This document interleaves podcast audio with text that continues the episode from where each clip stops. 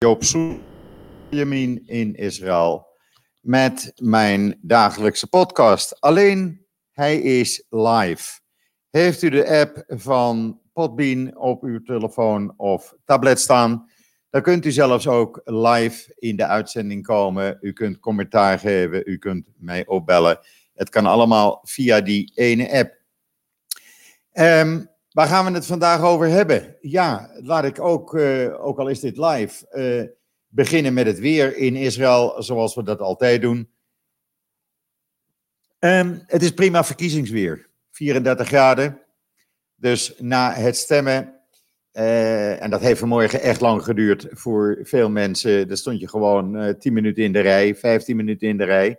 Maar nu is iedereen naar de shoppingmall, naar het strand of de natuur in. En vanavond gaat men dan verder met stemmen, mocht men dat nog niet gedaan hebben. En dan eerst even het, laten we zeggen, gewone nieuws zoals het uh, altijd uh, gaat in de normale podcast. Uh, trouwens, ik ga deze live podcast of live uitzendingen gebruiken bij bijzondere gelegenheden als er wat in Israël aan de hand is. Zoals vandaag met verkiezingen maar het zou ook kunnen in tijden van extra spanning of wanneer er iets bijzonders gebeurt. Uh, dan uh, heb ik nu de mogelijkheid om live bij u uh, op uw telefoon te komen, om het zo maar eens te zeggen. op joods.nl, daar houden wij u natuurlijk de hele dag bezig met alle updates van wat er in Israël gaande is. Uh, maar laten we eerst het gewone nieuws even doen. Gewone tussen aanhalingstekens. U kunt dat allemaal op joods.nl lezen. De rechtbank in Den Haag die houdt vandaag een hoorzitting over mogelijke oorlogsmisdaden van Blue White-leider Benny Gans. Uh, in de tijd dat hij uh, de opperbevelhebber van de IDF was, in 2014, vond de Gaza-oorlog plaats. En een Palestijn die in Nederland woont, die zegt, uh, ik kan in Israël geen rechtszaak beginnen, dus ik begin het maar in Nederland tegen Benny Gans, want hij heeft zes van mijn familieleden gedood bij een bombardement. En waar gaat het nou om? Uh, die zes familieleden woonden in een gebouw dat door Hamas gebruikt werd voor het afvuren van raketten en een andere ruimte om het plannen van aanvallen werd, uh, werd daar opgezet. En de IDF, zoals zij altijd doen, hadden flyers uh, rondgestuurd van mensen. Ga niet in de gebouwen, ga eruit waar Hamas zit, want wij gaan die bombarderen. Ze hebben ook families gebeld. Deze mensen hebben daar geen gevolg aan gegeven. Ja, uh, dat gebouw is gebombardeerd. En uh, die mensen zijn daarbij omgekomen. En hij begint dus nu een rechtszaak tegen de IDF in, of tegen Den Haag. Althans, dat probeert hij. Het is typisch uh, weer iets voor Nederland, want in Den Haag zit ook het uh, internationale gerechtshof en dat is zich aan het buigen of ze ja of nee IDF-officials uh, of soldaten kunnen gaan vervolgen voor oorlogsmisdaden. Daar zijn ze nog niet helemaal uit. Dus het zou raar zijn als een Nederlandse rechtbank daar even over gaat beslissen en zegt, ja hoor, wij hebben dat in een uurtje bekeken en uh, dat kan. We zullen zien hoe dat afloopt, we houden het voor u bij. En dan een hele mooie, uh, mooie lied, uh, Hoor onze stem, gezongen door de yeshiva van Mitzper Jericho. Tekst komt uit de Shmona Esra, Esre gebied, gebed. Dat is het achttiende gebed, wat op Joodse feestdagen wordt gezegd. En de muziek is van de overleden rabbijn Shlomo Karlebach de muziek, uh, muzikale rabbijn. Echt bijzonder om even te luisteren. En dan, de Palestijnen hebben de geschiedenis weer herschreven, want die vinden dat uh, de westelijke Jordaanover, die door Netanyahu gaat worden geannexeerd, mocht die herkozen worden, uh, die zeggen dat hoort bij de Palestijnse geografie. Nou, dan moeten ze toch maar eens even de kaarten van bijvoorbeeld 1948 kijken zullen ze zien dat Jordanië toen de westelijke Jordaanoever bezet had nadat hij aan Israël was toegewezen. En dan in België, daar heeft men, zoals in veel landen, gebarentaal. Hoe beeldt men nu een Joods persoon uit? Ja met het gebaar voor een haviksneus. U kunt het zien op joods.nl. En dan hebben we Ilhan, Ilhan Omar, de moslima, de democratische moslima in Amerika weer. U weet wel, zij zit in het Amerikaanse congres en ze bemoeit zich weer met Israël, want ze heeft een oproep doen uitgaan waarin ze de Israëli's oproept tegen Netanyahu te stemmen. Ook dat behoort namelijk tot haar taak. Het lijkt Sylvane uh, Simons wel in, uh, in Nederland. En Macron, ach, in Frankrijk is totaal niets aan de hand, alles rustig daar.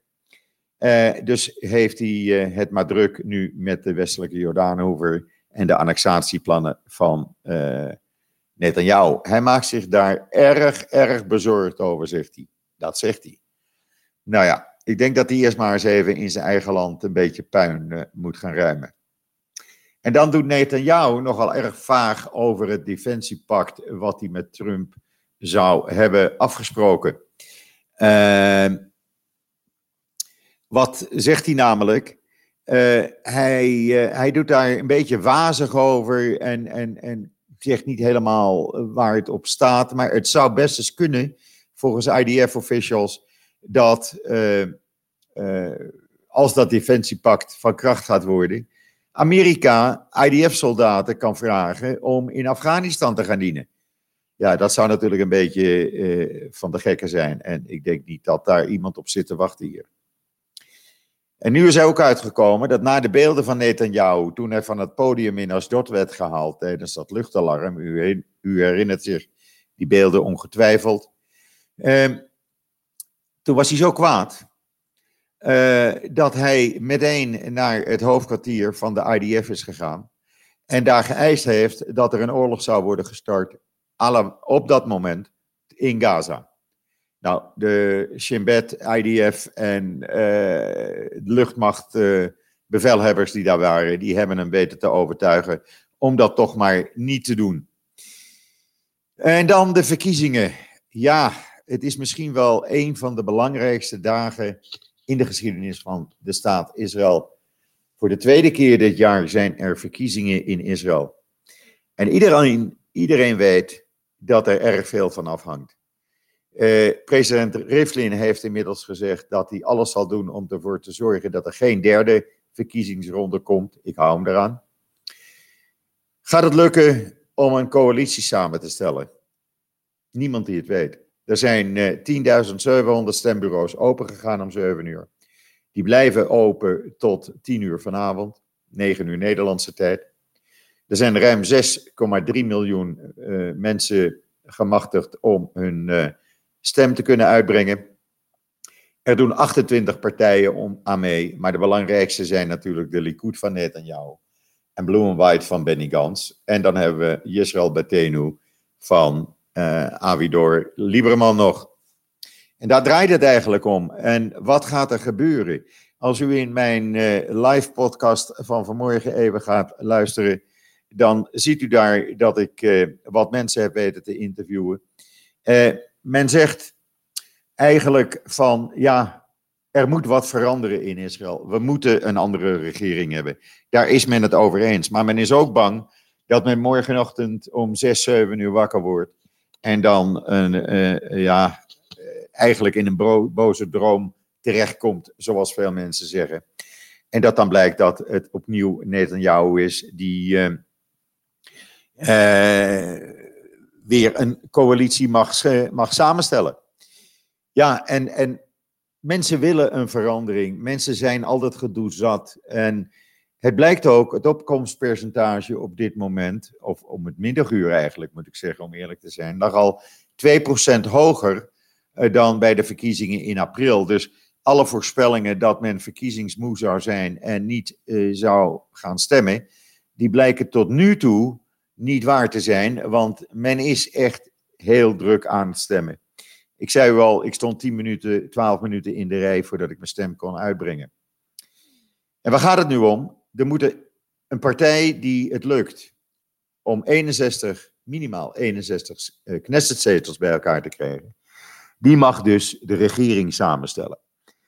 En het gevaar dat de Likud dat zou kunnen gaan doen, de Likud van Netanyahu, eh, zit mede door het feit dat er een extreem rechtse racistische partij is, Otzma Yehudit, die, als die de verkiezingsdrempel halen van 3,25 procent, dan komen ze gelijk, dan heb je gelijk vier, stemmen, vier zetels in de Knesset. En dan zou het zomaar kunnen dat rechts, Likud en de rechtse partijen en de orthodox, ultra-orthodoxe partijen bij elkaar, dus uh, aan die 61 Knesset-zetels komen. En dat is de angst van iedereen. Daar is men toch wel een beetje benauwd voor. We kennen allemaal zo langzamerhand de problemen met de ultra-orthodoxe partijen. Niet dat, daar, uh, niet dat ik daar uh, tegen ben, maar zij gebruiken hun uh, mandaat in de regering altijd om chantage te plegen. Dat betekent dit. Zij dreigen met het uit de coalitie stappen als er geen zoveel honderden miljoenen shekels naar yeshiva's of andere ultra-orthodoxe organisaties wordt overgemaakt. Ze dreigen uit de coalitie te, te stappen als uh, de wet doorgaat dat ultra-orthodoxe jongelui ook in dienst moeten. Gelukkig zijn er enkele duizenden die al in dienst gaan. Die trekken zich daar niets van af, niets van aan. Maar het betekent dat, ja, die orthodoxe, ultra-orthodoxe partijen bij elkaar, dus die vertegenwoordigen nog geen 20% van de bevolking, maar die leggen hun wil wel op aan 80% van de bevolking. En dat wil men een beetje veranderd zien. En ja, ik, ik kan daar wel in komen. Je maakt het hier constant mee. Zodra ze aan de macht zijn, dan, uh, ja, uh, dan wordt hun, uh, gaan ze hun positie misbruiken. Uh, en ze doen er alles aan. Vanmorgen zijn uh, de mensen in uh, orthodoxe wijken in Israël, maar voornamelijk Jeruzalem en Benai Barak, opgeroepen in de synagoges om meteen door te gaan naar de stembureaus en te stemmen voor een van de orthodoxe uh, politieke partijen. Een slokje water. Um, Likud en Blue and White op dit moment gebruiken een beetje dezelfde argumenten. Dat is ook wel opvallend. Bloem White uh, zegt: uh, ga naar de stembureaus, ga stemmen als je op ons wilt stemmen. Want de rechtse uh, kiezers die komen in drommen naar de stembureaus. Nou, dat weet niemand. Dat zien we dan, horen we wel morgenochtend als de resultaten bekend zijn. Likud daarentegen, onder leiding van Netanyahu, die heeft nu een spoedbijeenkomst uh, net bij elkaar geroepen. Dat is net geëindigd. Want die beweren dat de Arabieren in drommen naar de stembureaus gaan. Er wordt zelfs gezegd door Netanyahu dat hij weet, dat weet hij zeker, de Arabische partij, de Joint List, die krijgt 15 Knesset-zetels. Hoe weet hij dat? Nou, dat had hij dan gehoord van het verkiezingscomité. Nou, niemand die inzicht heeft in de verkiezingen. Uh, hij heeft uh, dezelfde argumenten over de Arabische kiezers gebruikt in 2015 en in 2019 in april dit jaar.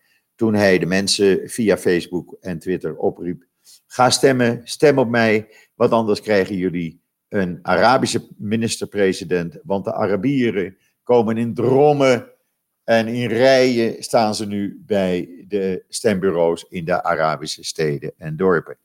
Ook dat bleek niet waar te zijn. Um, zo ziet u maar dat ja, de, de verkiezingen in Israël, het is een uh, ja, uh, ja, show wil ik het niet noemen, maar er zit een bepaalde folklore bij.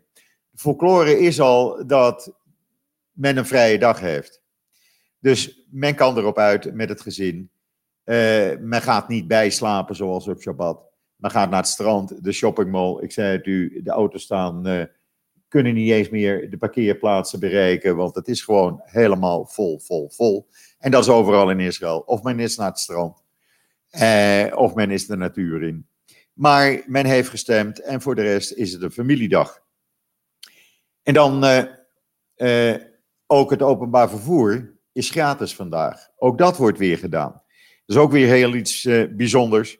Je kan dus gratis met de bus en de trein. Uh, men doet dat onder het mom van mensen moeten de stembureaus kunnen bereiken. Dus ze kunnen gratis met het openbaar vervoer. Ook dat gebeurt in Israël tijdens uh, de verkiezingen. En ja, en dan als u kijkt op mijn Twitterlijn, ik heb even een paar foto's net, net neergezet op Twitter over hoe het eraan toe gaat als je bij een stembureau aankomt. Daar staan dus een heleboel stalletjes van verschillende partijen met allerlei activisten. Ik heb er één in, uh, in de tweede live-uitzending vanochtend uh, heb ik geïnterviewd. Die kunt u daar uh, beluisteren. Dat was een vrijwilliger van Blue and White. En die mensen, ja, die proberen dan voordat je het stembureau binnengaat, je over te halen om op hun stem te stemmen, op hun partij te stemmen. Hoe doen ze dat dan? Nou, bij de een kan je koud drinken krijgen, cola, uh, Swaps, 7-Up, uh, noem maar op. De ander heeft kleine gebakjes, weer een ander heeft kleine snacks voor je. Andere heeft gebarbecuede stukjes kip, zolang je maar op hun partij stemt. Een van de orthodoxe partijen, zag ik trouwens hier, die stond ook bij het stembureau, ons stembureau in de straat. En die gaf de mogelijkheid om eerst tevelien te leggen, dat wil zeggen de gebedsriemen om te doen en een gebed te doen voordat je gaat stemmen. Ook dat is weer typisch uh, iets voor Israël, dat zal je in geen enkel land mee, meemaken. En ik moet zeggen, de atmosfeer op straat, ja, je praat met heel veel mensen. Uh, ik heb gepoogd veel mensen te interviewen, maar dat is me niet gelukt, want of ze spraken te slecht Engels en dan kan ik het niet gebruiken om uh, hier in de podcast uit te zenden. Of ze uh, wilden niet op de radio, ook al was het voor een Hollands of een Nederlands-Joodse website, maar wel anoniem. En ja, dan krijg je dus allerlei verhalen hoe families altijd op Likud of op Labour hebben gestemd. En nu een beetje radeloos zijn en eigenlijk niet weten op wie meer te stemmen. En de laatste verkiezingen dan maar op uh, Lieberman of op Netanyahu hebben gestemd. Maar ja, dat is dan ook weer een tegenvaller. En hoe ze bedonderd worden door al die politici. Want ze zeggen een heleboel. Uh, ik zat in de, in, de, in de shoppingmall even met een, eh, een man of zes, zeven te praten. Uh, want dat is het leuke. Dan komen er steeds meer mensen bij met hun mening. En ja, zei men dan van ja, maar weet je, je kiest mensen en dan hoop je dat ze je vertegenwoordigen. Maar wat is het eind van het liedje? Het eind van het liedje is ja, dat ze gewoon helemaal je niet meer zien staan. Dat ze alleen maar aan hun eigen belang uh, denken en niet aan het belang van de kiezer. Dat doet me denken aan Nederland, waar dat ook het gevoel had ik daar altijd. Maar goed, hier speelt dat gevoel dan ook. Alleen de Israëlische maatschappij is wat dat betreft even opener. Er wordt dus, als je vraagt aan mensen op wie je hebt gestemd, of wie ze hebben gestemd, dan wordt er ook gewoon gezegd eh, op uh, Lieberman of op Blue and White of op uh, Netanyahu. Men maakt daar helemaal geen geheim van. Op dit moment zijn partijleiders de stranden opgegaan. Er staat een filmpje van Lepiet op mijn Twitterlijn waarin hij op het strand in Tel Aviv loopt en tegen mensen zegt van, hey, heb je nog niet gestemd? Ga dan, voordat je nu gaat zwemmen, eerst even hier naar het stembureau en ga stemmen. En stem vooral op mij. Uh, achter hem loopt uh, Ayele Tjaket van de rechtse partij Yamina. En die zegt, die roept dan door het Bart Badmeesters luidspreker om de mensen op het strand op, om maar vooral te gaan stemmen. Ja, het is een folklore in Israël. het blijft iets, iets aparts. Er is een andere sfeer. Uh, het weer werkt natuurlijk mee. En ja, wat er ook gaat gebeuren, er zal morgen toch bekend moeten zijn wie een nieuwe regering gaat samenstellen. Uh, niemand die het op dit moment weet. Niemand die het weet. Uh, het hangt allemaal af van de tellingen de komende nacht. De peilingen trek ik me niks van aan, de exit polls die om tien uur gegeven worden. Want de laatste twee verkiezingen, of drie verkiezingen moet ik eigenlijk zeggen, waren de exit polls precies het tegenovergestelde van wat de uiteindelijke uitkomst was.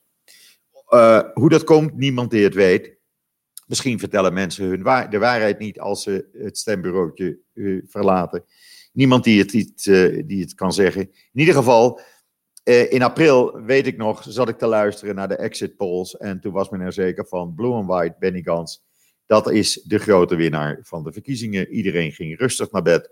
En de volgende morgen werd iedereen wakker met het nieuws dat uh, Benjamin Netanyahu de grote winnaar van de verkiezingen was en niet blue and white. Hoe dat morgenochtend zal zijn, ik durf er geen weddenschap op af te sluiten. Echt niet. Als u mij zou zeggen, Joop, uh, zeg het dan voor de aardigheid, dan zou, doe ik het nog niet. Want ik ga geen dingen vertellen die ik niet kan bewijzen. En het is heel moeilijk. Uh, het is onvoorspelbaar. Nogmaals, Lieberman zal de kingmaker zijn, zoals hij dat ook in april was. En Lieberman heeft heel duidelijk gezegd: ik ga niet in een Likud-regering waar Netanyahu in zit. Nu heeft Blue and White, Benny Gantz, heeft eigenlijk precies hetzelfde gezegd. Die hebben gezegd: wij willen best met de Likud samenwerken in een coalitie, maar dan niet met Netanyahu. Want die man die wordt achtervolgd door corruptieschandalen. Hij moet waarschijnlijk voor de rechter verschijnen. Dat weten we op 2 en 3 oktober. Hij probeert immuniteit te krijgen voor vervolging. Dan laten we hem niet meer wegkomen. Wij willen best met de Likud. Maar dan moet je wel met een andere Likud-leider naar voren komen. Nou, binnen de Likud gaan stemmen op al een tijdje. Uh, en die worden steeds luider, luider. Dat als er weer een padstelling zou zijn morgenochtend men zou besluiten om Netanyahu te lozen en een ander naar voren te schuiven. Dat zou Nir Barkat, de voormalige burgemeester van Jeruzalem, kunnen zijn, of Gideon Saar. Beide spreken goed Engels. Mijn voorkeur zou dan zijn uh, Nir Barkat, omdat hij uh, internationaal wat beter ligt en niet zo'n een stijve hark is. ook een kundig iemand. En dan zou je een unity-regering krijgen. En dat zou het allerbeste voor het land zijn. Een regering van Blue and White, Likud, Lieberman. En als daar een andere rechtse partij of een linkse partij zich bij willen aansluiten, prima, doe maar. Kan helemaal geen kwaad. Des te meer, des te beter. Maar met deze drie partijen zou je in theorie, volgens de peilingen die tot en met jongsleden vrijdag werden gehouden, zo'n 80, 82 Knesset-zetels hebben van de 120 die er te verdelen zijn. Dat is dus een ruime, werkbare meerderheid. En dat zou voor Israël de beste oplossing zijn. Um, ik hoop dat het gaat gebeuren, maar ik ga er geen weddenschap op afsluiten. Um, ja, ik denk dat ik het hierbij even laat. En dan later op de middag, uh, over een paar uur, nog een keer bij u terugkomt. Of misschien vanavond. Want er zal ongetwijfeld straks wel meer nieuws zijn. Uh, hou ook joods.nl in de gaten, want daar blijven we natuurlijk uh, de laatste berichten plaatsen van deze enorm spannende verkiezingen. Want gelooft u mij, ze zijn echt heel belangrijk voor de staat Israël en voor de toekomst van de staat Israël. Uh, dus ja, uh, ik hoop, ik hoop van harte dat het opkomstpercentage vanavond echt hoog blijkt te zijn. Uh, des te hoger, des te beter. Dat betekent dat men in Israël de zaak serieus neemt, dat de kiezers de zaak serieus nemen en het niet laten afweten. En ik hoop van harte eh, dat er aan die onzekerheid, die onstabiliteit die we op dit moment hebben, dat daar eh, een einde aan komt.